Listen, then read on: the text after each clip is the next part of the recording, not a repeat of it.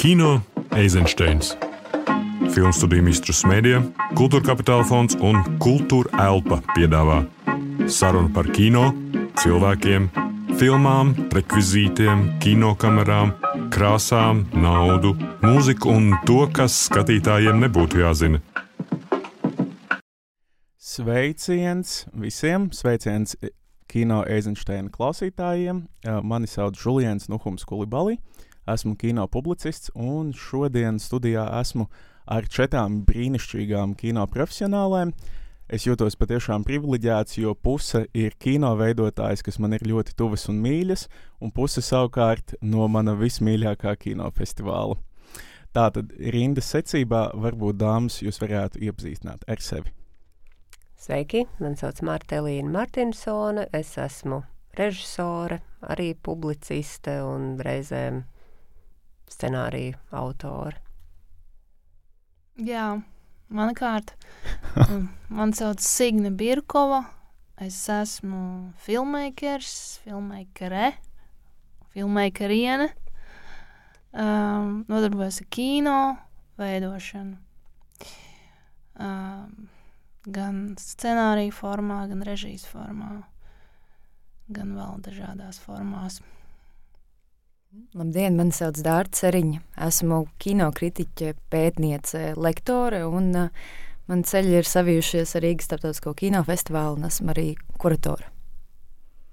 Sonora Broka, Rīgas starptautiskā kinofestivāla radošā direktore, kopā ar Martu um, Latvijas Rādio 3 programmas klasika, raidījuma pie jūras klimats veidotājs.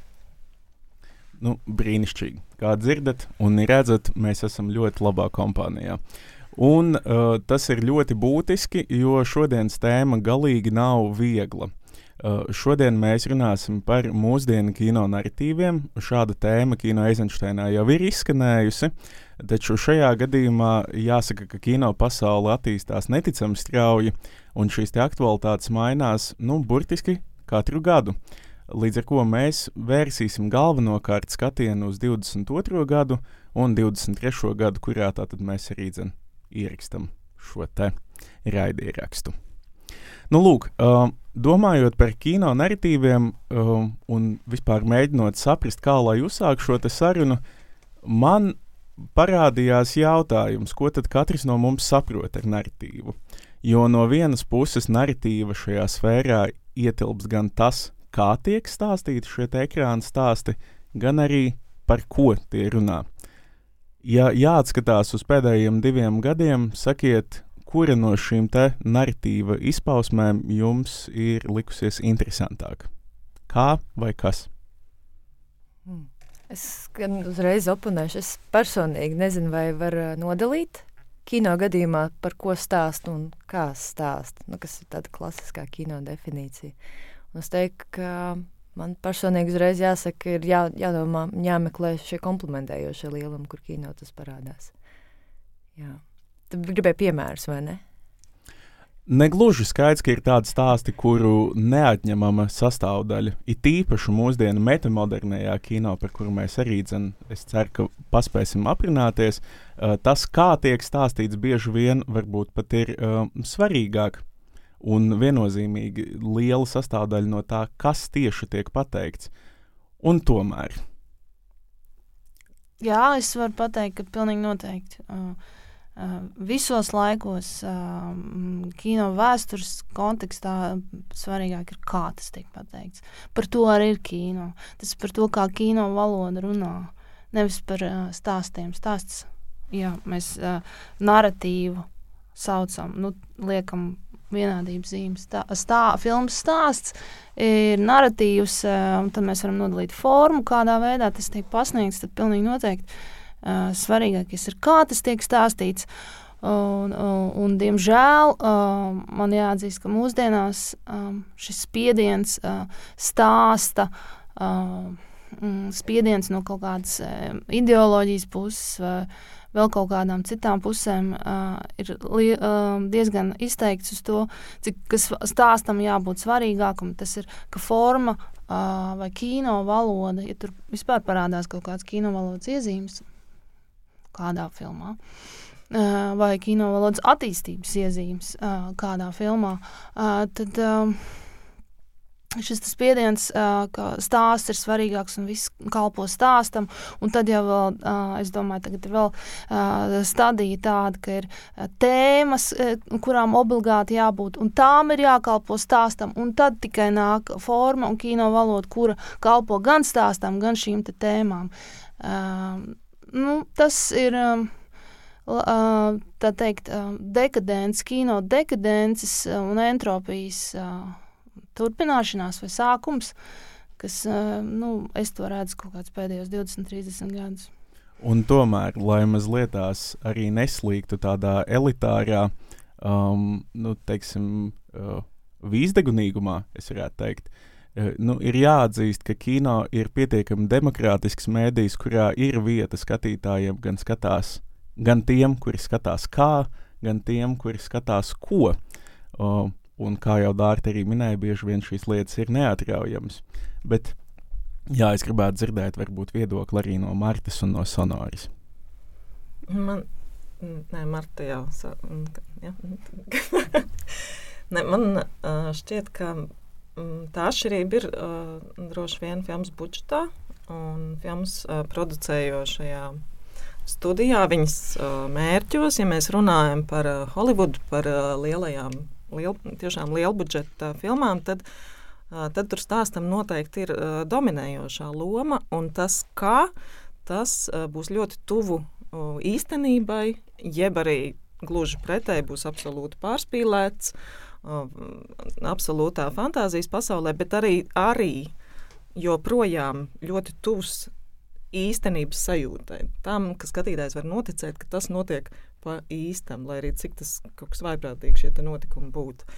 Un tad, ja mēs skatāmies tā saucamā festivāla kino virzienā, tad principā pat varbūt tāpat ir tāda proporcija, ka jo mazāks budžets, jo, jo, jo visticamāk kino veidotājiem būs vairāk interesēs tieši kā viņi uh, stāsta šo filmu un cik atšķirīgi no šīs ierastās prakses. Marta? Nu, es teiktu, Mm. Man liekas, ka cilvēki no pašiem saviem pirmsākumiem vienmēr ir mēģinājuši atrast veidus, kā izstāstīt stāstus, vai kaut kā pierakstīt, vai piefiksēt, vai nu, ar attēliem atveidot uz uh, sienām notikumus. Un tur ir kaut kas tāds, ka kino man ir vēl viens veids, kā šo stāstu izstāstīt. Uh, kaut kādā, man patīk tas, ka tu minēji šo vārdu demokrātiskā veidā, jo tomēr ir jāatceras tas, ka kino ir viena no joprojām pieejamākajām mākslām. Teātri varbūt nav visiem pieejami, vai tu vari būt arī, nezinu, ļoti, ļoti nabadzīgs, bet tev var būt iespēja noskatīties filmu kaut vai internetā, kaut vai pa televizoru, tev kāds var kaut ko parādīt. Tā kā tev ir iespēja nokļūt pie kaut kādas mākslas, pat ja tev nav nekādu līdzekļu. Tas ir tas, kas man liekas ļoti svarīgi.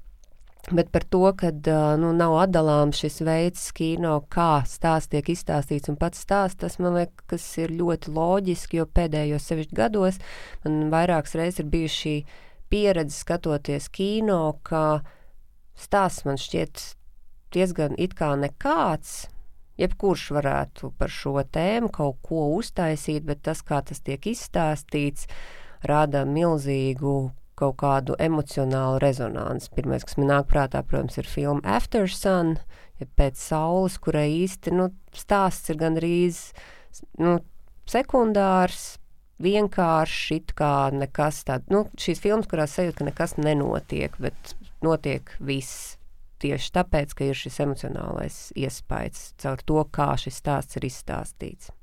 Cik interesanti. Šarlotas Velses filma Pēc saules, jeb After Sun, ir, manuprāt, viena no, no 22. gada man personīgi mīļākajām filmām. Un uh, viens no iemesliem varētu būt, cik dramaturgiski tā it kā neuzkrītoša, bet ārprātīgi kompleksa ir šī filma. Un tā pašā laikā tā ir uztverama. Nu, lūk, tas jau ir atkal par uh, varbūt narratīvu veidošanas meistarīgumu. Jā, Jā, es vien gribēju arī papildināt, ņemot vērā, ko gan Sonora, gan uh, Signe un arī Marta teica. Mēs esam, piemēram, domāt par tiem pašiem seriāliem un par to formātu, tad par chronometrāžu. Ir gana daudz, protams, runāts pēdējos 23 gados, nu, ka nav šo lielo narratīvu, vai, vai mums nav šādu episko, tādu lielo uh, ekrāna scēnisko formu, bet redz, kur seriāls pēkšņi kļuvis par tādu formātu, kurā mēs vēstam par lielajām ģimenēm, par dinastijām, nu, gan vai runājot arī par ziepju operām, vai, piemēram, uh, seriāls um, HBO pēctecība, Succession. Tā kā es domāju, ka tur ir cieši tā sazobuma loģika, ko tu stāsti. Uh, ja mēs runājam par tādu ļoti primitīvu tā fabulu vai, vai, vai sižetu, ar to, kādā formātā, kas ir tie formālie, tehniskie, mākslinieckie līdzekļi. Un uh, cits jau tālākais jau ir, par ko arī Sono runāja, par, par kontekstu, par auditoriju un arī par, protams, izplatīšanu. Visā šajās alijās es ļoti vēlētos ar jums arī dzen, um, paviesoties, bet uh, ir jauki redzēt nu, šo kaut kādu primāro uh, pozīciju. Nu, tad no šejienes varētu sākt to īsto sarunu. Man liekas, eh, ja mēs runājam par 2022. un 2023. gada kino ainavu, eh, nu, diezgan tā zīmīgi šķiet, ka eh, pagājušo gadu Oskaros šo galveno statuēti ieguva filma vis, visur vienlaicīgi, kas šķiet lielā mērā arī dzen, um, raksturo to, kādi ir šie modernie narratīvi. Uh, Tā ir šī refleksija pašiem par sevi, par pašu formu, par pašu kino mēdīju. Un tā, pieņemsim, ir filma, kurā patiešām uh, stāsts ir teju vai neatraujams no formas. Es vēlētos vaicāt, vai jūsu pēdējo divu gadu skatīšanās pieredzē ir kāda filma, kur uh, jums ir tāda sajūta bijusi, ka jā, šeit, šeit notiek kaut kāda narratīva transformācija vai ne? Nu, šis ir mūsdienu narratīvs. Tas tas drudžu filmas. Jā, nu, ir, ir parādījies tāds narratīvs, kurš es uh, sapratu, ka es, ka es vispār nevaru ar viņu atrasties vienā telpā. Un, un vēlos pēc iespējas ātrāk izkļūt no šīs seanses. Tā ir jau tevis minētā filma. Um, arī, arī Astera visas bailes, uh, Darena Ranovska māte. Uh, tas laikam ir tas. Uh, es esmu beidzot atradusi kino, kurš, uh, kurš atrodas pilnīgi citā galaktikā nekā visas manas expectācijas no kino. Es spēju novērtēt uh, ieguldīto darbu un ambīcijas un, un visu. Protams, ka tur var rindot komplimentus uh, šām filmām, bet tīri, tīri sajūta līmenī. Nu, nu man tā tad ciešanas pavadītais laiks šajos sēnesos, bet tas viennozīmīgi ir kaut kāds mūsu laika. Mm, mūsu laika kaut kāds lakmus papīrīts, ka šī sabiedrības neiroze, viņa nokļūst arī ekrānā kaut kāda mentālās veselības vārīšanās, kaut kāda temperatūra. Un, un, un arī tā vide, kas ir vienkārši nu, superdestruktīva. Visapkārt tiešām viss notiek vienlaikus. Un, jā, nu, to es redzu kā tādu jaunu iezīmi. Interesanti, ka tas visticamāk ir globāls fenomens, jo jāņem vērā arī, ka pēdējos 20 gadus mēs arī dzīvojam neticami hiperglobālā pasaulē kurā mēs varam runāt par kaut kādu vienotu, pat teiksim, audio-vizuālo telpu un kaut kādiem kodiem, kas patiesi aptver lielāko daļu pasaules. Bet uh, kā jums šķiet ar šīm drudžu filmām? Ir par daudz, ir par neirotisku, vai tieši otrādi kaut kā iekapsulē, kā tas ir, ka tevi bliež no visiem ekrāniem desmit stundas katru dienu? Nu, es, protams, varu teikt, ka man ļoti uzrunāja filma vis, visur vienlaikus, bet eh, īstenībā man vairāk uzrunāja, ka viņa skatījos otro reizi, jo pirmo reizi tiešām es izgāju no kinoteātra nogurus. Nu, tiešām tā pārsātinājuma sajūta, bet uh, tas man likās arī ļoti precīzi, jo tā ir tā pārsātinājuma sajūta, kāda man pārņem, kad es vakarā ejot gulēt, aizver savu datoru vai izslēdzu savu telefonu un piepeši mani no visām pusēm nebombardē šī informācija, kaut kāda 15 paralēla darba un draugu čati, ēpasti, vēl kaut kas. Protams, tā ir mana izvēle, kas es izvēlēsies tā dzīvot, varētu tā nedzīvot, bet nu, tā tas ir. Bet no, man šķiet, ka tas Man vairāk pat interesē tā saucamais šis mm, multivers ko, kā tēma, kas kļūst aizvien populārāka, ko, protams, mēs redzam arī Marvel filmās, kas ir tīri, es domāju, komerciālu mērķu vadīts uh, nu, lēmums, jo šis multivers paredz iespējas daudz vairāk varoņiem parādīties filmās, daudz lielāks, teiksim, tā fantāzijas lidojums var būt, bet arī pašā laikā ir interesanti redzēt, ka tā ir tāda tēma, un man ir kaut kāda iekšēja sajūta, ka varbūt tas tiešām ir mazliet arī saistīts ar Covid epidēmiju, ka daudziem, tā skaitā man, radās šī sajūta, ka varbūt mēs dzīvojam vienā no šiem, teiksim tā, šiem atzariem, ka varbūt citā universā šīs pandēmijas nav, un ka ir noticis kaut kāds laika pārāvums, un tas ļoti ātri iegāja arī kino narratīvos, šie kvantu universi, multiversi, viss šī lēkāšana uh, cauri dažādā, dažādiem, jā, tiešām šiem dažādajiem kosmosiem. Man liekas, ka tā ir arī tā vēlme, ko var just, kad kino veidotāji un ka mēs arī kā cilvēki, mēs gribam aizbēgt, mēs gribam aizbēgt no šīs šīs realitātes, kurā mēs esam. Un kino ir veids, kā aizbēgt, bet acīm redzot, mēs nevaram aizbēgt tik tālu, ja mēs par to sākam veidot filmas. Un tādā ziņā man, piemēram, tāds lielākais pēdējo gadu kino notikums ir nu, kaut kas pavisam cits, kas ir, piemēram, Inišarīnas Banšī, kas man ir Mārtiņa Makdonas. Nu, viņš man vienmēr bijis gan mīļš, gan kā dramaturgs, gan kā pēc tam kino veidotājs, bet šī filma man likās, nu, tiešām izcila, jo vizuālie paņēmieni tur nepārņem galveno lomu, jo galvenais ir stāsts un šīs attiecības un darbs ar aktieri. Un tas, kas ir izdarīts darbā ar aktieri, ir apbrīnojami. Jā, man arī Inišana. Inišens, Banshees of Inišen ir uh, uh, šī filma ļoti patīk, bet uh, filmu visur, uh, viss vienlaikus uh, likās ļoti garlaicīgi un ilgāk par desmit minūtēm. Es vienkārši nevaru izturēt, un tas likās vienkārši atvainojos. Uh, jā, nu labi, tādus vārdus te nevar teikt. Nē, nu, jā, nav saprotams. Tā kā man nekādas emocijas. Uh, slikts un labs, kā tikai. Nu, tā kā, bet tā ir, bet rodas no tā, tās visas, nezinu, maņu, tās blenderēšanas. Nu, pilnīgs, jā, nu, tā, pilnīgs tā, tā, tā, tā, tā, tu tad analizē manu psihi tagad sanāk. Piedod, piedod. Bet, zini, kā Signe? Nē, man, man vienkārši ir garlaicīgi, jo esmu redzējis ļoti daudz dažādas arī Hongkongas, no kurienes tas viss nāk, vai ne? Un, tas uh, absolūti, tad es drīzāk varu uh, ieteikt filmu uh, vienu citu. Es vēlāk ieteikšu, atcerēšos, kā viņi sauc. Uh, kas ir, manuprāt, šedevrs un, un tā tālāk, bet kaut kas tur tāds tajā visā man likās aizdomīgs, un, un arī šajā filmā man likās kaut kādi tādi uzpotējumi aizdomīgi, es jūt, jūtu viņus ar kaut kādām ar nierēm savām. Tad es uzreiz negribu. Nu, tur kaut kāds ir kaut kāds, vai nu tur ir ideoloģiskais uzpotējums, vai ir kaut kāds konstrukts, kas man neliekas interesants. Jā, bet šis darbs, Mārtiņa Makdonas filma, tā ir vienkārši ļoti god, godīgs, talantīgi uzrakstīts.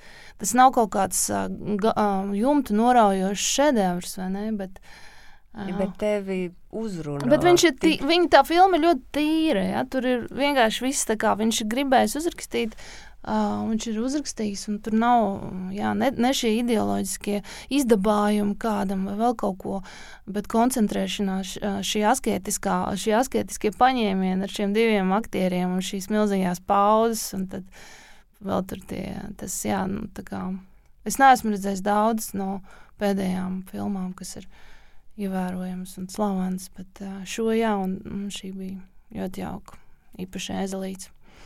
Jāsaka, arī šī Makdonas filma īstenībā nav nemaz tik tālu no mūsu pieminētās drudžu filmas, tādā ziņā, ka viņi jau arī grauj šo te uh, skatīšanās šķitumu. Uh, viņa ļoti tādām mērķiecīgām, maigām kustībām tomēr atklāja, ka tas, ko mēs skatāmies, ir filma un neļauj aizmirst to. Bet uh, tev uzreiz gan ir jāsaka, nesmu šeit, un pavisam noteikti arī neustveriet nevienu no maniem piemēriem kā tādu absolūti labu piemēru. Vienkārši viņi eksistē un ir pārsvarā visiem labi zinām. Tas arī viss. Nē, nu katrs no mums runā ļoti subjektīvi. Tas skaidrs, ka kino ir subjektīvs. Un... Un paldies Dievam, ka ir tāda sfēra, kur katrs var izteikties. Un, Nu, jā. un tas ir absolūti ok. Bet, uh, jā, varbūt paturpinot par tām pēdējo divu gadu filmām, kurās varbūt ir bijusi šī sāls dārta. Um, tas kaut kādā mērā loģiski sasaistīts jau ar minēto nelaimīgo arī asteru un visām bailēm. Es atceros, ka tā bija cita situācija, Žilēn, ka mēs tieši runājām par, kas man vienkārši liekas ļoti interesanti, ka ir ne tikai šis pārkērnējums vai tāda juceklīga, pat arī reizēm tāda pārlieku jutekliska arī tā trauksme, ka viņi visu laiku cenšas mūs kaut kā stimulēt un tad radīt kaut kādu tādu uh, mūsu skatienu stingrības stāvokli, bet uh, man tieši šķiet interesanti tas, ka tieši dzimums vai šī dzimuma telpa ir kaut kas, kas kļūst par hororu vai šausmu telpu, ko esam ļoti, ļoti daudzās filmās. Ja mēs runājam par tādiem mazākiem, um, mazāku budžetu projektiem, darbiem, kas jau ir daļa no pamatstraumas, jau izcēlām arī visas bailes vai filma, kuru ļoti visi aktīvi centās ienīst um, par uh, Merlinu Monroe, Blondīne. Uh, arī, manuprāt, mēģinājums uh, šo te um, dzimumu spēli vai dzimumu identitāti novest līdz tādai destrukcijai, ka tas ir jau žanra kino. Un, kas ir piemēram interesanti, pavisam arī nesen uh, lasīju, un arī tieši netieši gatavoties arī šai sarunai, ka šobrīd visrentablākais Amerikā žanrs tieši žau, šausmu kino. Ka tam ir visplašākā arī auditorija. Mēs domājam arī par par uh, demogrāfiju un arī vecuma grupām. Un tas, man liekas, uh, savā ziņā ir kaut kas interesants, kas nav nonācis varbūt tik tieši līdz, līdz Eiropai, kur mēs esam nedaudz vēl izplūdušāki šajos jā, šausmu žanra kaut kādos pinamos vai meklējumos. Tas tāds primitīvs žanrs. Šausmu kino? Šausmu kino, jā. Nē. Ir. Es arī Es- nepiekrītu. tāds, nu, sorry. Bet kas tur ir, kas tur ir Nē, primitīvs? nu, viņš ir tavuprāt? primitīvs varbūt tādā ziņā, ka viņš sasaucas ar to mūsu primitīvo, viņam- kas ir kāds viņam ķermenis jau nav ir? primitīvs. Un tad mēs run- Fizioloģija jau nav primitīva. Nē, nu, tādā ziņā, ka tā ir bāze. Bet ko tu analizē filmu vai psih psiholoģiskos faktorus, tad mēs runājam par kino tikai un vienīgi. Mm. Cilvēks ir komplicēts, tur ir viss kaut kas, bet, uh, ja es paskatos kaut kādu šausmu filmu, man viņa liekas garlaicīga. Nu, labi, o, ok, es varu novērtēt Dario Argento, ja, Nu. un, uh, un tā tālāk. Bet tur ir kaut kāds tas, kaut kāds tas primitīvisms, tur laužās cauri pa visām vīlēm. Tas ir vēl viens tāds atslēgas punkts, pie kuras īstenībā vēlētos nonākt. Jo no vienas puses mēs runājam par uh, meta um, narratīviem, par metamodernismu, eh, kas ir vēl kaut kāda atbilde uz postmodernismu. Uh, kas nu, pēc būtības ir tāda kā sarežģīta lieta, lai gan pamatstraumē un acīm redzot arī um, kino skatītājiem pietiekami labi saprotams. Jo nu jau ejot uz kino, man šķiet, reti kuram ir vēlme tikai un vienīgi redzēt labi izstāstītu stāstu.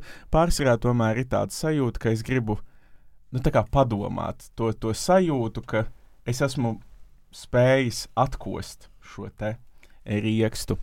Uh, bet mēs redzam, ka arī dzen, uh, ir um, nu, tāds pacēlums, atkal varbūt pat renesanse žanra kino.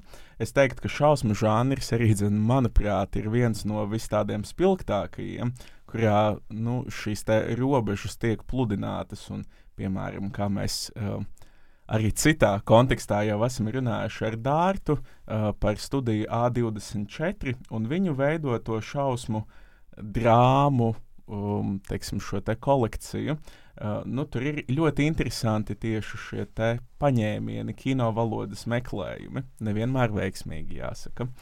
Um, bet sakiet, kā jums šķiet, ja mēs runājam par tātad uh, pēdējo divu gadu žānru kino, vai jūs jūtat tādu atgriešanos no autora kino tiešām uz šīm te žānra iezīmēm vai spēlēšanos ar žānru, vai arī dzen, uh, tas varbūt ir kaut kas tāds, kas tikai šķiet?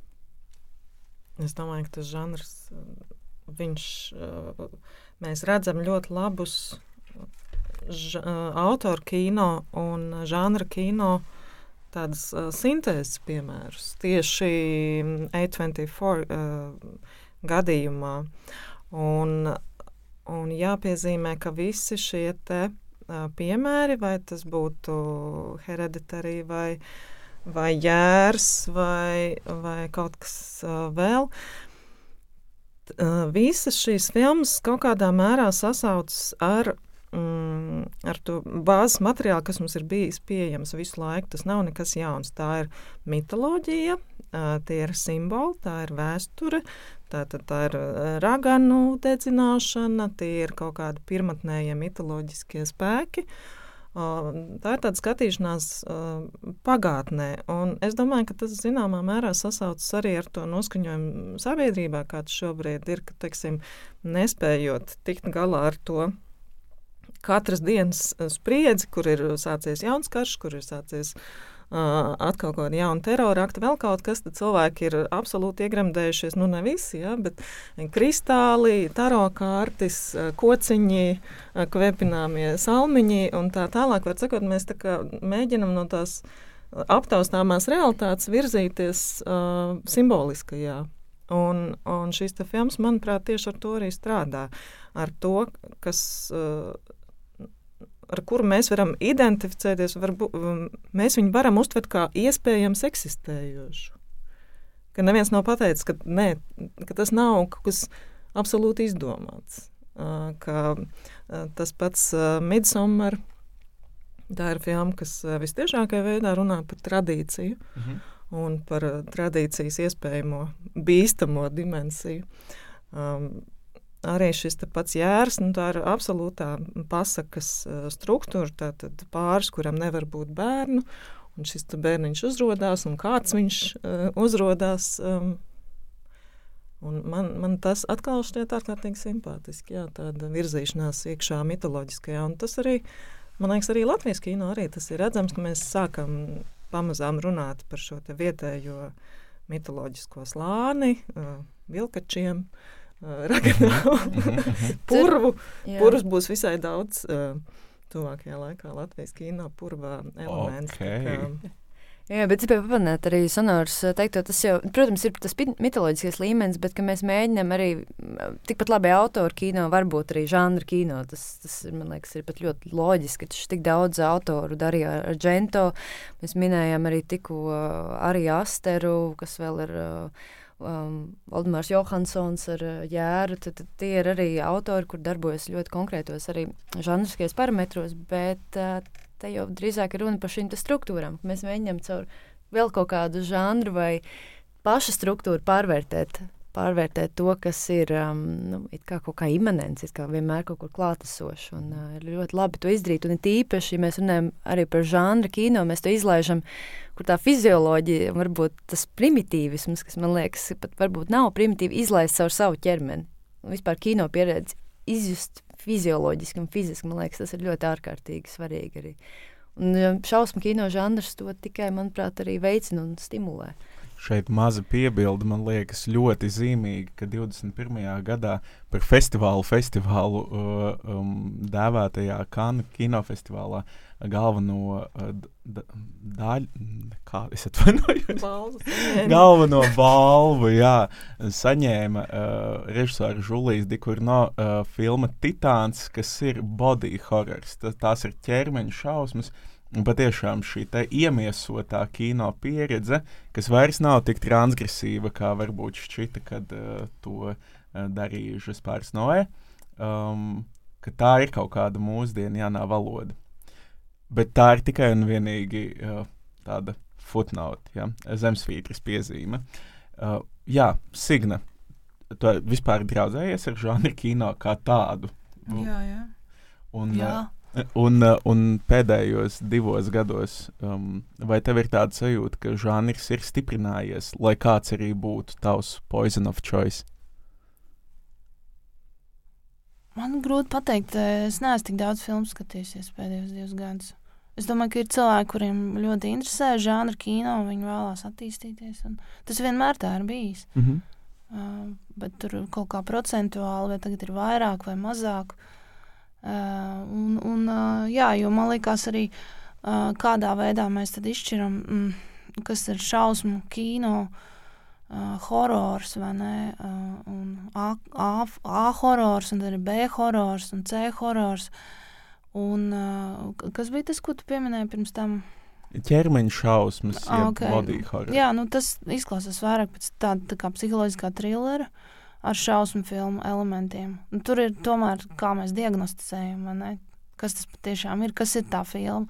Nu, tāds kaut kāds slasher kino, kur ir ā, tā kā skrīm bija, tas ir tīrs, tās ir šausmas. Un man liekas, Dario Argento arī, kas ir nu, veidots, lai nu, izbiedētu. Un tad droši vien šis biedējuma efekts kinoteātrī ā, kaut kādā veidā sublimējās personiskās bailes, vai mēs sev iluzori varbūt iestāstam, ka uh, viņas tur kaut kā sap, saplūst uh, filma ar zemapziņu, un tur notiek kaut kāda šķīstīšanās vai kaut kāds tāds process un iziem, un tad skatītājs iziet ārā no kinozāles, uf, tā kā kaut kā vieglāk palika.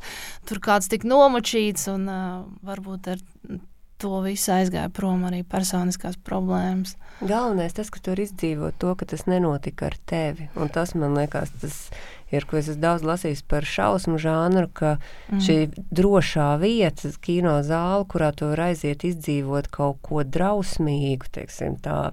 Un aptuveni, nu, tiešām brutāli nopriecāties, fu, tas nebija es. Mhm. Runājot par drausmām, uh, pēdējos divos gados patiešām uh, Latvijas. to laikam nav trūcis.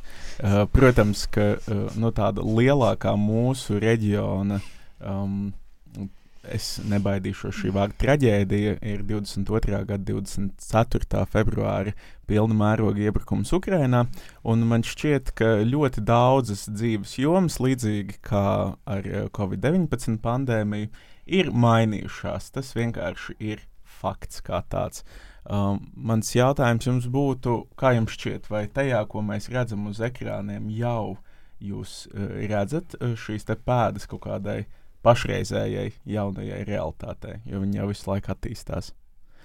Es to jautāju arī labi apzinoties, ka uh, ir daļa, kuru mēs redzam filmu festivālos, uz kuriem kā nu kurš no mums dodas.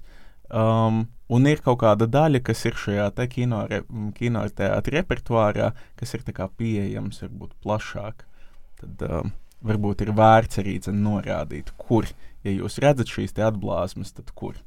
Repertuāra kino vai, vai kinofestivāla piedāvājumā?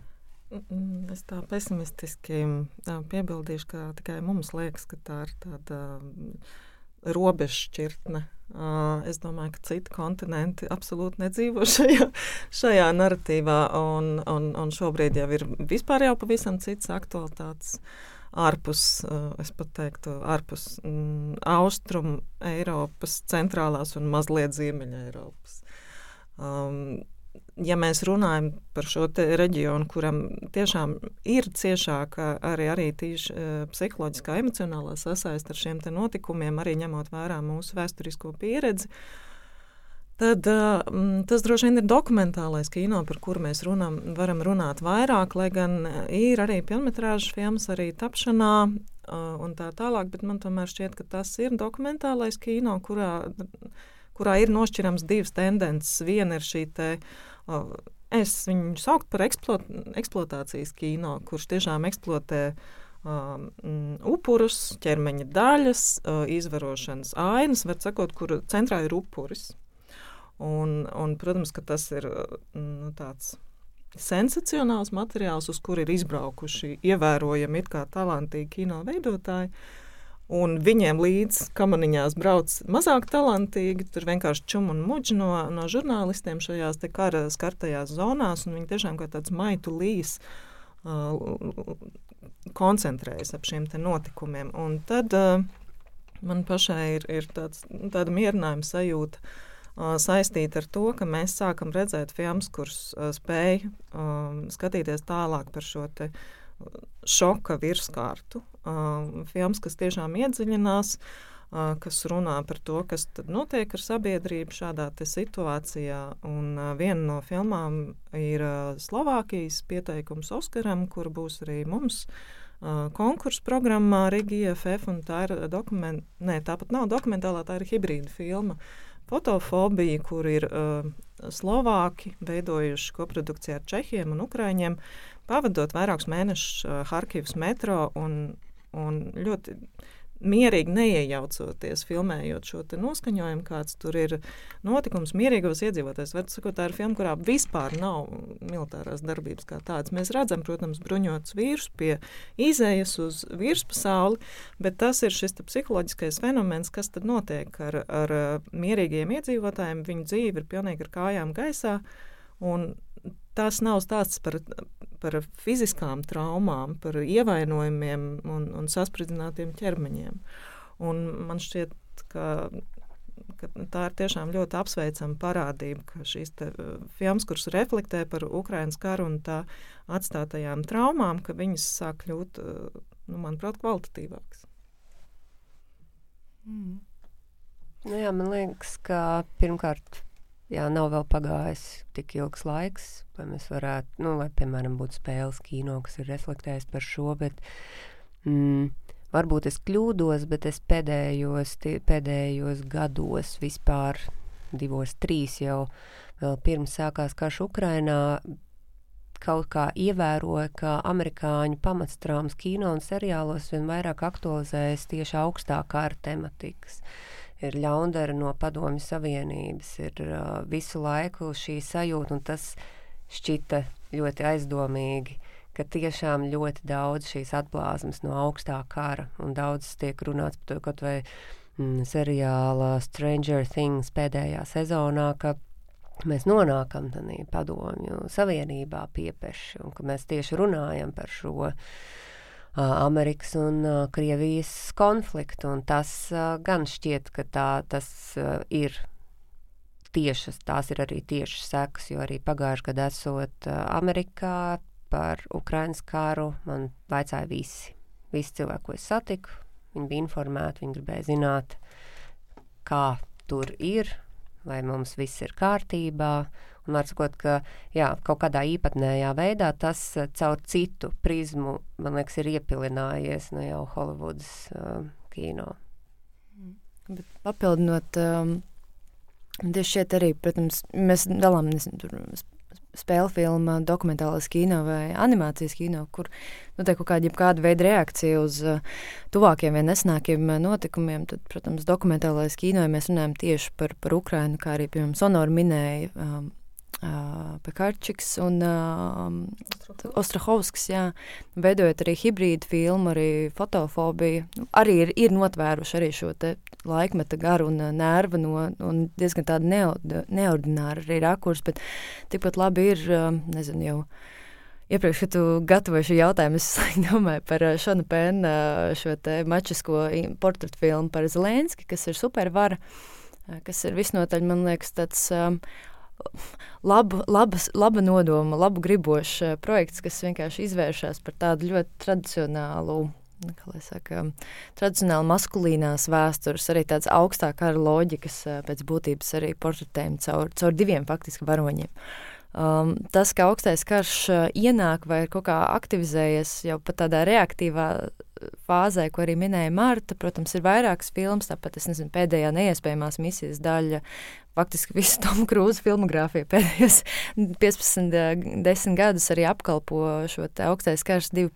Augstais karš 2.0, bet es domāju, ka pats svarīgākais ir tas, ka ir mainījusies arī um, ģeopolitiskās situācijas dēļ mūsu uztver, ka mēs tam daudz vairāk pievēršam uzmanību šīm detaļām. Un, un es, piemēram, arī skatoties, piemēram, filmu Top Gun Mavericks, kas par ko pagājušo gadu, jā, nu, visi runāja, no, no, no kā no kura aspekta, nezinu, tur Spilbergs runāja, ka redz, kur ir uh, kinoteātras skatīšanās formāts ir izglābts, um, mūsu pusē runāja, protams, ka, nu, šī ir atkal atgriešanās 80. gados, un uh, darbības kino virsotne, tad um, gribot, negribot vienkārši mēs esam mainījušies arī šo ietekmu, notikumu rezultātā, mūsu percepcija, mūsu atmiņa, mūsu, kā mēs reaģējam uz, uz kaut kādām zīmēm filmās. Tas, kas mums bija iepriekš kaut kas cits, ir pilnīgi, pilnīgi kaut kas jauns, es teiktu. Jā, jā, jo tādā filmā šis vārdā ne, neminamie ļaundari vienkārši sēdi kinoteātrī un sēdēja draudzenes, abi saskatījāmies tā diez kur valsts tā ir domāta. jā, kur, kur atrodas jā, jā, Sibīrijas jā. Jā, sniegotās priedes. Jā. Man šķiet, ka viens veids, kā uh, raudzīties uz to, kas notiek kino procesā kopumā, kas ir uh, ne, neizsakojams, nav, nav iespējams. Es domāju, ka mēs visi varētu uh, likt uh, tad, uh, savu privāto dzīvi un darba dzīvi pie malas un pavadīt turpmāk katru dienu, visu dienu skatoties kino, un pa visiem mēs nevarētu noklāt iespējams pat 10% no tā, kas ir aktuāls.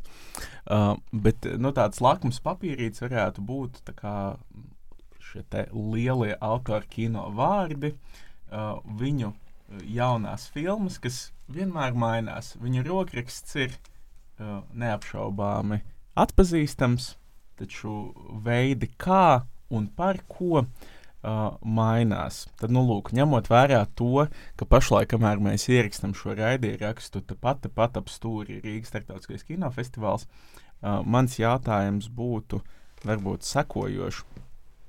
Vai um, jums ir sanācis saskarties, Dārts, un es zinu, ka jums noteikti, bet iespējams arī Signai un Martai, ar uh, tātad Fransuā Ozona, Vima Vendersa, Akikoras Mekī jaunākajām filmām, un vai jūsuprāt tas ir uh, kaut kas jauns, vai jūs redzat tur kaut kādas izmaiņas, vai arī autorkino, kā autorkino nevajadzētu to vērtēt mūsdienu narratīvu kategorijās?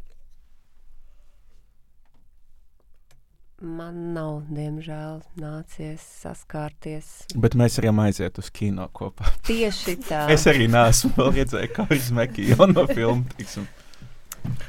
Nu, riskanti. Var uzdurties uz vilšanos. Var. Bet dzīve ir vilšanās, tas ir ok. Mm. Ozons tādā ziņā ļoti drošs. Ozons man vispār, maigi izsakoties, nav tūs. Jā, man jāatzīst, man arī. Maigi izsakoties. Nu, Man patīk, šajā mirklī mūsu raidījumā kļūst par tādu uh, kafejnīcas sarunu par to, ko tad obligāti vajadzētu beidzot noskatīties. Nē, es varu, man viena filma, kas, ko es ieraudzīju sarakstā, uh, jo viņa ir filmēta, jo tā ir filmēta 16 mm, man liekas, uh, brīnišķīgi. Uh, filmas saucās Blue Jean.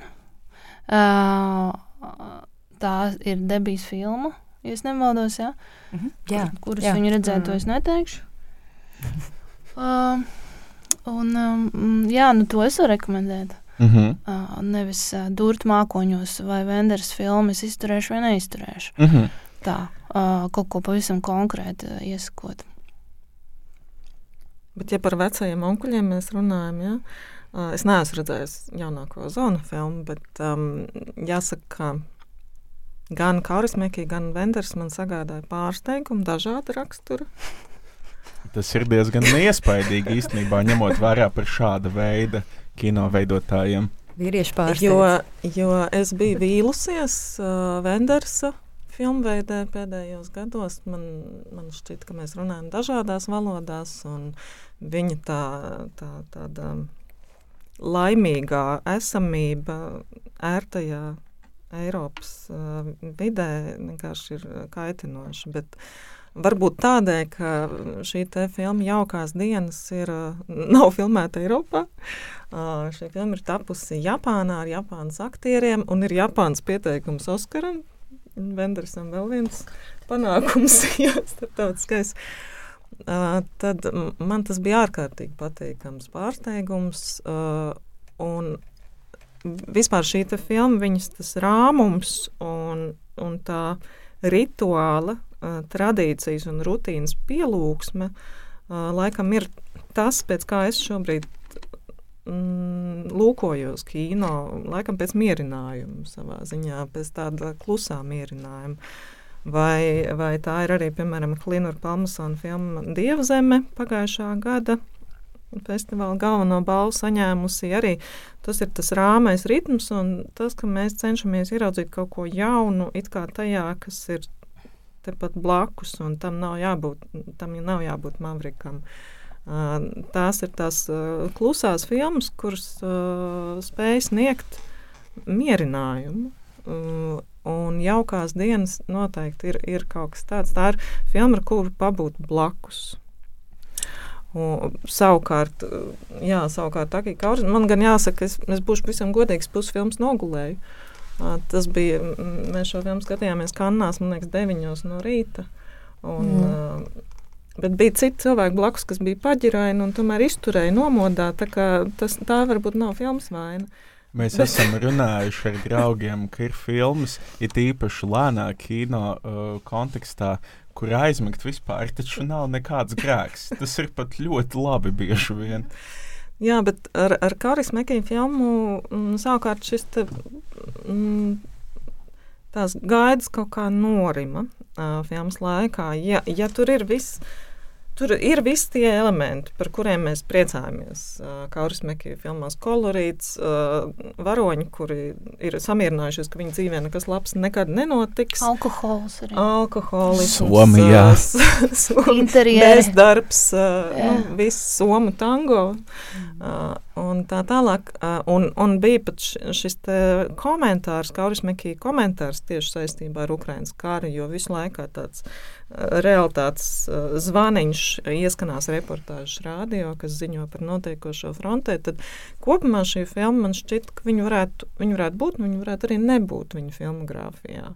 Mm. Jo mēs varam vienkārši vēlreiz skatīties viņa iepriekšējās filmas. Mm -hmm kurās es pat teiktu, ka ir vairāk rodama tāda originalitāte. Jo ir tāda sajūta, ka viņš ir nu, nodīdžējis šo filmu ar elementiem, kuri ir viņa rīcībā un kuri ir neapstrīdami lieliski un, un veiksmīgi. No ar tiem smagsvariem tā mēdz būt. Es nezinu, man šķiet, ka visas Frančiska Zona pēdējās filmas ir viena filma, kur nav īsti saprotams, kāpēc. Es personīgi eju, pērku tās biļetes un Kur skatos. Moku, bet, nu, turpin mocīt. Nē, nu, ja ir vēlme vienkārši pabūt uh, Kauris Mekija kompānijā, jā. Tad, tad jau tā ir. Nu, tad vienkārši var aiziet pie viņu uz mājām. Nu, jā, nav tālu. Tas varētu būt grūti, man šķiet. Bet ir zinām daudz alkohola. Bet jā, obligāti ne par šiem veciem onkuļiem, kā mēs viņus nokristījām. Tās var būt arī vecas tantes, un uh, tie var būt uh, meistari, meistares. Bet katrā gadījumā runē par kino veidotājiem, ar kuriem jau ir šis te, uh, zīmoks, labs režisors. Vai viņu darbos, kas ir iznākuši pēdējos divos gados, jūs jūtat, ka tur ir kaut kāda šī valodas maiņa? Vai mierīgi arī teikt, ka nē? Nu, es domāju, ka Grētas Gervigs valodas, vizuālās valodas maiņa pēdējā filmā ir iespaidīga. Mēs nerunājam par vecajām tantēm. Jā, nu, lūk, man nē, arī nē, es, nē, es neteicu, ne, es skaitu to pie vecajām tantēm, bet tas ir ar režisore jau ar tomēr kaut kādu rokrakstu. Nu, tas gan jā. Nu, un tādā ziņā, bet par vecāko paudzi. Nu, man, piemēram, ļoti interesēs jaunā Mārtiņas Korsēzes filma, jo viņš tomēr kaut kā turoties pie tās savas autorības un savas stila, meklē jaunas lietas. Un viņš ir ieinteresēts, tādā ziņā man ir vienmēr interesanti skatīties, kur, kādu tēmu viņš būs izvēlējies, kā viņš to izstāstīs. Arī man vienmēr ir interesanti lasīt un klausīties, ko viņš, pēc, nu, ko viņš par to stāsta, kā viņš ir izvēlējies, kā viņš ir strādājis ar aktieriem, kā viņš ir atradis aktierus. Nu, tādā ziņā man, nu, protams, ir arī viņa filmogrāfijā filmas, kas ir vilšanās, bet tur nav tā sajūta, ka tu skaties laiku vienu to pašu. Viņš katru reizi kaut ko, vismaz kaut vienu lietu, viņš mēģina kaut ko jaunu apskatīt. Tāpat kā viņš tikko stāstīja par jaunāko filmu, ka viņš nav vēlējies, viņš pārrakstīs scenāriju un to stāstu, jo nevēlējies viņš vairs veidot filmas vienkārši baltajiem vīriešiem. Viņš saprata, ka tas viņam vairs nav interesanti. Nu, viņš pieķēra sev pie tā, ka tā, viņam tas nav interesanti, tas nav nekāds ārējais spiediens vai kaut kas, bet tas stāsts pats aizgāja citā virzienā. Bet kāda tur tas? Leonardo kvalificējās. Tad. Nē, nu, nevar taču vispār pēc. Uh... Viņš tur ir kas? Es nu, neesmu redzējis šo filmu. Viņš ir Gaferis. Viņam ir kāda tur galvenā loma, bet varbūt viņš... Viņ, viņš faktiski filmā, es saprotu, es vēl neesmu redzējis, bet ir, ir centrālais tēls.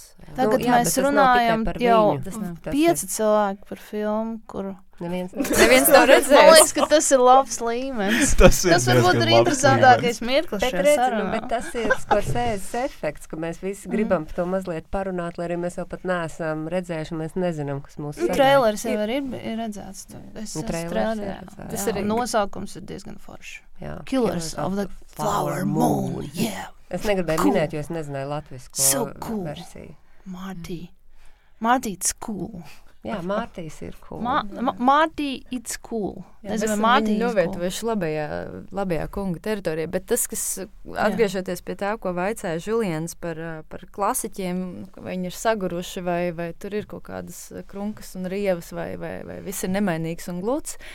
Um, Sudam, nu, es viņai piekrītu, un brīnišķīgi arī izstāstīja arī Menders un arī Kauris Mekijas situācija, jo Zons ir ā, nu, tāds Čekils un Haids, viņam ir tas varbūt interesantās labās filmas, bet nu, pēdējā, protams, mans noziegums ir tāds. Nu, tāds ļambas ar tādām ļoti, ļoti lielu promiļu vizuālo skaitu, tā es teiktu. Bet atgriežoties pie Skorsēzes, kas ir tas, kurš mainās, man vienkārši ļoti skaisti likās, ko viņš ir sacījis. Tas, manuprāt, bija tieši Kānu kinofestivālā, kad filma arī nonāca pirmoreiz pie skatītājiem, ka viņš savā 80 cik 4-5 gadu vecumā beidzot ir sapratis, kā jāveido kino. Skursēzi kaut ko tādu pasaka, viņš atsaucas uz, uh, uz Akiru Kurosavu, kurš arī 80. gados arī interesantākās filmas arī veido. Tieši savā mūžā arī nogalē. Un, un ja mēs arī redzam, kur tā, tā, tā jūtu arī tā temperatūra visņot labvēlīga, ka mēs jūtamies arī līdzīgi, nu, tomēr arī nav tik kariķējoši attieksmē jābūt pret, pret šiem klasiķiem. Man ir tādi, kuri beidzot redz, kur jūtas kā pabeiguši kinoskolu. Tā ir cerība visiem tiem jaunajiem, beztalantīgajiem režisoriem, kas mūs klausās. Jā, interesanti. Sarunās par radošo prekariātu bieži vien ir arī tāds uh, komentārs, ka nu, tā kā vajag dot naudu tikai tiem talantīgajiem, un tad jau viduvējības atsijāsies, un man vienmēr ir jāsmējās interesanti, no kurienes tie cilvēki kļūst tik talantīgi un ģeniāli. Um, bet uh, šo sarunu pamazām apaļojot, uh, es vēlētos tomēr uzdot vēl divus īsus jautājumus. Uh, un tie ir saistīti ar to, kur arī mūsu klausītāji iespējams sastopas ar vislielāko daļu jauno uh, kino ražojumu. Um, Tātad mans pirmais jautājums būtu par straumēšanas platformām. Teiksim, pavisam nesen Ves Andersons ir izlaidis Netflix platformā četras īsi filmas. Ves Andersons, ja mēs runājam par metanarratīviem, ir iespējams tāds nu, zināmākais un redzamākais 21. gadsimta uh, režisors, kurš uh, pamatstraumē dekonstruē, kas tad ir stāsts, un bieži vien stāsti ir par stāstu vai ne? Bet uh, vai jūs um, tieši šajā te uh, kino straumēšanas platformu piedāvājumā viņu politikā redzat kādas izmaiņas pēdējo divu gadu laikā? Es teiksim, esmu pamanījis, ka tur parādās ar vien vairāk un vairāk autorkino, kas man ļoti, ļoti priecē. Man šķiet, ka, viņi, ka šīs platformas izdzīvoja to savu attīstības posmu, kurā viņi mēģina iet skatītāju pavadā, nu, tā tad piedāvāties vienais vien vienkāršotāku kino, un saprat, ka tas ir strupceļš. Un, un, un tad, jā, pēc tam tad seko šī skatīšanās pretējā virzienā. Varbūt, ka tomēr var arī kaut ko drosmīgāku piedāvāt skatītājiem, un varbūt, ka viņš visai labprāt pat to patērēs. Un, Un, un, un šobrīd es teiktu, ka man, mani visai apmierina straumēšanas platforma piedāvājums, jo es tiešām esmu kļuvusi ievērojams linkāks kino apmeklētājs. Un, manuprāt, labāk ir tomēr aizsniegt to divānu skatītāju, nekā gaidīt, kad viņš reiz divos gados atnāks līdz kinoteātrim. Es oponēšu uh, ne tam, ka cik bieži sonori iet uz kinoteātri, nē, ta, tas, tas, tas ir sonors dienas jautājums, nē, bet par uh, autoru kino sastopamības traumēšanas platformās. Uh, es, uh, es teiktu ka negluži tādā reliģiozā manierē, bet man ir interesi vienkārši iziet cauri, paskatīties, kas ir vispār saturā, kādas, nezinu, klasikas saucamie darbi ir, ir pievienoti. Netflix, Amazon Prime, uh, Ubī, vis kaut kur citur, bet uh, tas, ka parādās balvu sezonai, tīpaši rudenī, ziemā, vienkārši vairāk kaut kādas filmas, kuras bijuši, tika izrādīts Venecijā, kuras līdzproducēs Netflix. Tā ir tikai maza, maza daļiņa no tā milzīgā tūkstošu stundu arī tā apjoma, kur ir nu, nu, pilnīgs totāls šausmas arī patiesībā sakot reizēm.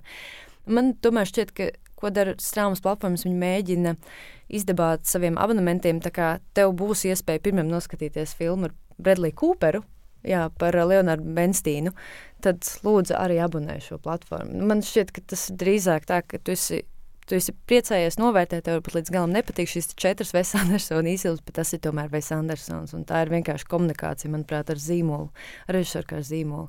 Es tādā ziņā esmu nedaudz, nedaudz skeptiskāk jā, par to, ko dara straumas platformas. Tas ir brīnišķīgi piemēri, bet, uh, bet tie ir pāris piemēri uz ļoti, ļoti, ļoti plaša lauka. Man ir pilnīgi tā kā, vai, es baidos no šī jautājuma, Signe, vai tev ir Netflix? Nē, nav. Haha! uh, vai tu vispār skaties filmas, uh, nezinu, kādās straumēšanas platformās? Nē. Zini, kā Bet, es, es, sap, es tiešām saprotu. nu, bet uh, man vienkārši ir ko skatīties, uh, kad es to vēlos. Uh, un, uh, ir periodi, kad es to nevēlos vispār.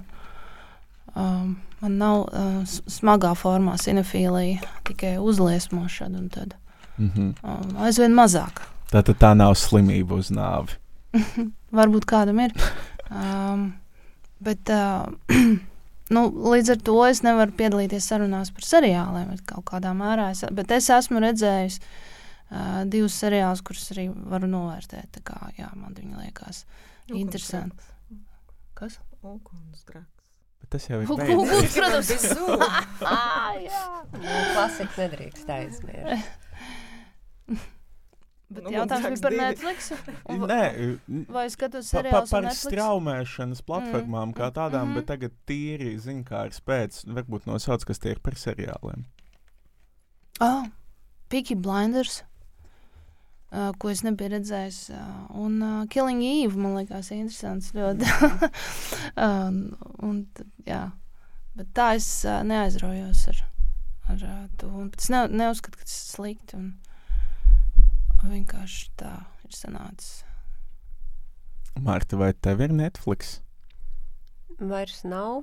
Ja man ir žēl naudas. Nu, Bet re, ar tās- to sāksim. Jā, nu, Kāpēc? Man, manuprāt, ā, problēma ir tā, ka šo traumēšanas platformu šobrīd ir tik ļoti, ļoti daudz, un tas nav tā, ka, nu, ja es, es ik pa brīdim pieslēdzu Netflix atpakaļ, piemēram, iespējams, es tagad oktobrī viņu pieslēgšu, jo tur iznāks vairāk interesantu šausmu seriāls. Man interesē Fall of the House of Usher, to mm. es gribēšu redzēt. Man patīk iepriekšējie šī seriāla veidotāja komandas darbi. Un tad es atkal atslēgšu, iespējams, jo nu, pēc tam sāksies Ziemassvētku filmu sezona, kuras es nevēlos skatīties. Bet, uh, lai arī es ļoti mīlu Ziemassvētkus un Ziemassvētku filmas, bet Netflix pats piedāvājumā ne, mājās. protams. Mm, bet uh, man šķiet, ka straumēšanas platformām nav tādas uh, skaidras vīzijas. Es teikšu, viņi vienkārši viens ar otru konkurē un mēģina kaut ko izgrābt. it Sevišķi tagad, pēc tam, kad it kā ir beigušies streiki. Nu, tagad būs, var sakot, viņiem jāstrādā vēl smagāk, ja viņiem būs jāmaksā šie pro ienākumu procenti arī aktieriem un filmu veidotājiem. Un scenāristiem arī vairāk jāmaksā. Bet, uh, Nu jā, nu nav tādas īstas viena veida virzības. Ik pa brīdim tu kaut ko izdzirdi. Piemēram, es jau kādu laiku dzirdu baumas par Davida Linča Netflix seriālu, un, protams, kad es to gaidu, tas man uzreiz piesaist, jā, ok, man interesē tagad šī platforma, ja tur būs kaut kas no Davida Linča jauns. Bet eh, pašā laikā no arī Apple TV piedāvā daudz ko interesantu, un Disneyam ir ļoti daudz kaut kas labs, un tad vēl Hulu ir vēl kaut kas, un Hulu būs uh, mans mīļās grāmatas ekranizācija. Nu, es nevaru maksāt par šīm platformām vienkārši simtiem eiro katru mēnesi, lai nostītos vienu seriālu, kas man interesē. Nu, viņi vienkārši viens otram noēd auditoriju. Un pat Latvijā ir tas pats. Nu, mēs esam tik, cik mēs esam. Mums ir vairākas straumēšanas platformas. Un, nu, jā. Bet jāsaprot viens uh, aspekts, uh, kuru mēs nevaram noliegt pozitīvais traumēšanas platforma aspekts, ir, protams, cerot, ka, ka, ka tiks panākt kaut kāda kaut kāda forma, kā tomēr cilvēks var visu noskatīties, ko viņš vēlās, nemaksājot par uh, septiņām platformām. Es, man ir Netflix, man ir Amazon Prime, man ir Criterion, BFI, skatos filmas, Mubijas maksāju regulāri, neskatos neko. Jā, man ir mu ar mobīlu tieši tāds pats. Uh, bet jāsaprot, ka uh, nu, tā ir iespēja legāli skatīties kino, skatīties kino nepatērējot pirātisko materiālu. Uh, it īpaši šajā brīdī, kad pirātisms ir teiksim, Krievijas atbalstīta, oficiāli atbalstīta praksa, kā viņi var ieriept šeit rietumu pasaulē, tad man liekas, ir ārkārtīgi svarīgi neiet šajā pavadā un tomēr skatīties uh, kino uh, legāli. Un straumēšanas platformas nodrošina šo iespēju. Un tajā pašā Netflixā var redzēt arī Ukraiņas filmas. Uh, var redzēt tiešām arī uh, autoru kino piemērus. Tas, protams, ir vienmēr jautājums par ceļvežiem un par uh, kuratoru praksi, tātad, kur varētu šādas platformas ieviest. Tas būtu skaisti. Protams, es pievienojos mobīļu uh, atslēgšanas klubam. Es to izdarīju pagājušajā nedēļā, bet arī Netflix es esmu atslēdzis. Tad uh, nu, pats pēdējais jautājums. Mēs šķiet esam uh, izceļojušies cauri visai pasaulē, visiem iespējamiem ekrāniem, formātiem un tā tālāk šajos narratīvu meklējumos, bet uh, uz beigām tomēr gribētos paskatīties uz to, kas ir noticis pie mums tepat. Uh, 21. gadā, kad iznāca Marta tava filma Tīzlens un Signa tava filma Ugunsaplis, es domāju, ka um, man pašam bija tāda sajūta, ka beidzot nu, šī te. Eh, nesauksim tās par drudžu filmām, bet par filmām, kas spēj reflektēt pašas par mēdīju, eh, ka beidzot tas ir atnācis šeit. Eh, tad notika nu, vis kaut kādas lietas, un šķiet, es pats jūtos mazliet tāds izkritis no, no saprašanas, kur tad iet um, šie narratīvi, kur vispār iet Latvijas kino ainava. Es varbūt gribētu sākt Marta Signē ar jums, un pēc tam pievērsties Dārtai un Sonorai, jo jums tomēr tā darba specifika paģēra, ka jums ir jāskatās tās filmas daudz. Un jārunā. Jā, tā tad um, tieši mūsu pašu lokālais konteksts un narratīva te, tās filmas, kas ir iznākušas pagājušajā gadā, aizpagājušajā, nē, tas ir pagājušajā un šajā gadā, um, Jā. Nu, tas Tā. meta aspekts ļoti svarīgs. Tas man, meta aspekts man, svarīgs. Jā, viņš ir ļoti svarīgs. Jā. Nu, tas man liekas, ir, nu, jā, tā ir tā, tā tagadne, uh, kā vispār kaut ko pasniegt. Tas vienmēr ir tādā tā kā ar skatienu atpakaļ, ar, ar tādu reveransu, ar tādu uh, nostalģiju un mīlumu un atzīšanos mīlestībā, tu vienmēr vari kā, runāt par kaut kādām aktuālām lietām, atzīstoties mīlestībā, kino vēsturē, šiem te kino dieviem, kas varbūt jau ir jau arī pazuduši no kino olimpa. Bet uh, tas vienmēr ir klātesošs, uh, vai tas izpaužās uh, kaut kādos um, nu, referencēs, tiešā veidā, um, ar kaut kādiem citātiem vai vēl kaut ko. Bet, uh, principā, tā sasaiste visu laiku, vienmēr atcerieties, uh, kas ir tā maize, uh, no kuras mēs pārtiekam. Tā ir kino vēsture, uh, ļoti svarīgi. Un, uh, jā.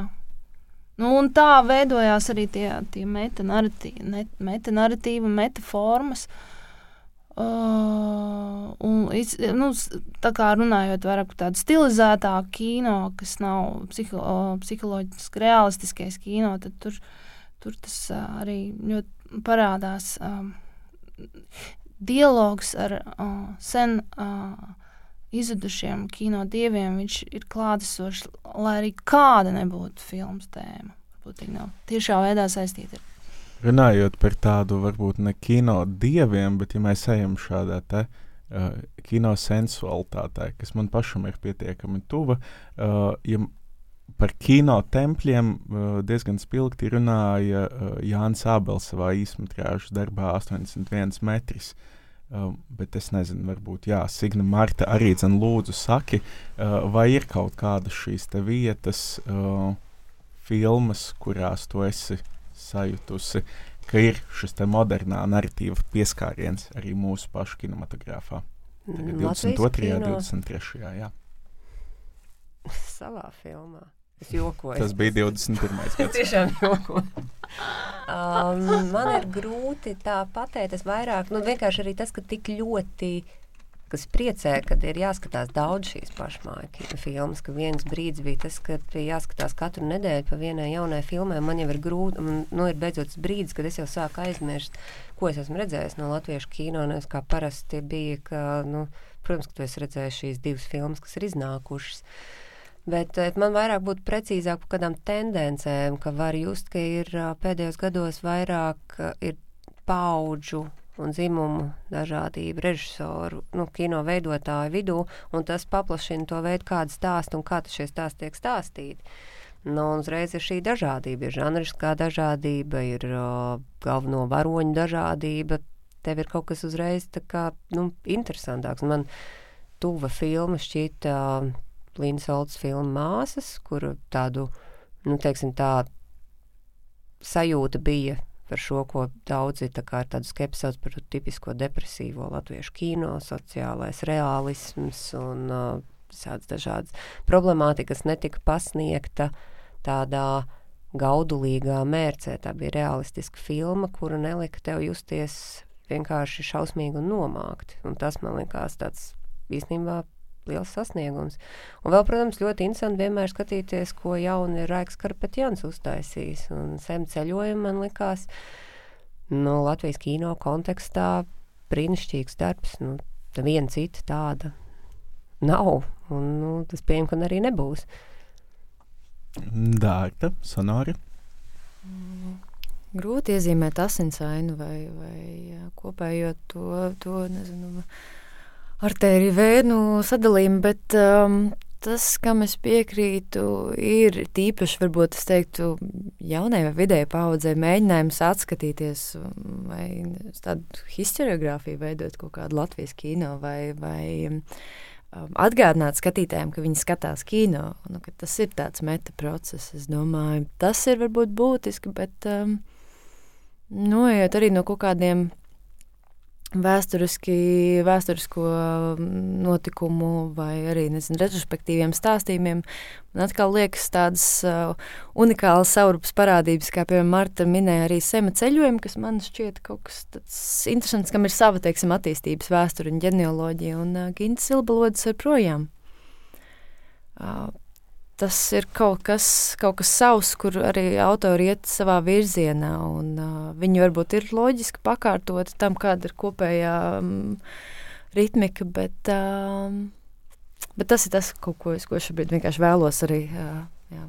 Ja par to kopainu, tad man šķiet, ka joprojām Latvijas kino runā par mūsu tautas traumām, Tā, tā, tā ļoti mīļa tēma, kas man gan šķiet, ka mēs esam vēsturiski pakāpšies jau tuvāk mūsdienām, ka tās traumas jau ir jau nesenākas, par kurām tiek šobrīd vairāk runāts. Un, un simpātiskais virziens šķiet tas, ka jauna režisora runā par savu pādu, tātad par to, ko viņi pazīst. Tas ir viens moments, un vēl uh, es ar lielu prieku skatos, tiešām kā tas žanra kino parādās. Uh, top krimiķi. Tas ir arī fantāzijas kino mūzikli. Mums ir mūsu spēcīgākā mūzikla žanra mūsdienās pārstāve Martelīna šeit studijā. Ka, ka Latvijas kino kļūst daudzveidīgāks, ka tas nav tas, tas līganais, tas bāliņa raudiens katrā filmā, ka jā, mums ir spilgtas sievietes, kas ienāk režijā, uh, ar savu atšķirīgo stilu, un ka tiešām tā ir daudzveidība gan, gan formas ziņā, gan arī stāstu ziņā. Brīnišķīgi. Labi, liels paldies ar Signas Birkovas aiziešanu. Teiksim, tā arī klausītājiem un skatītājiem un visu labu. Paldies! Paldies!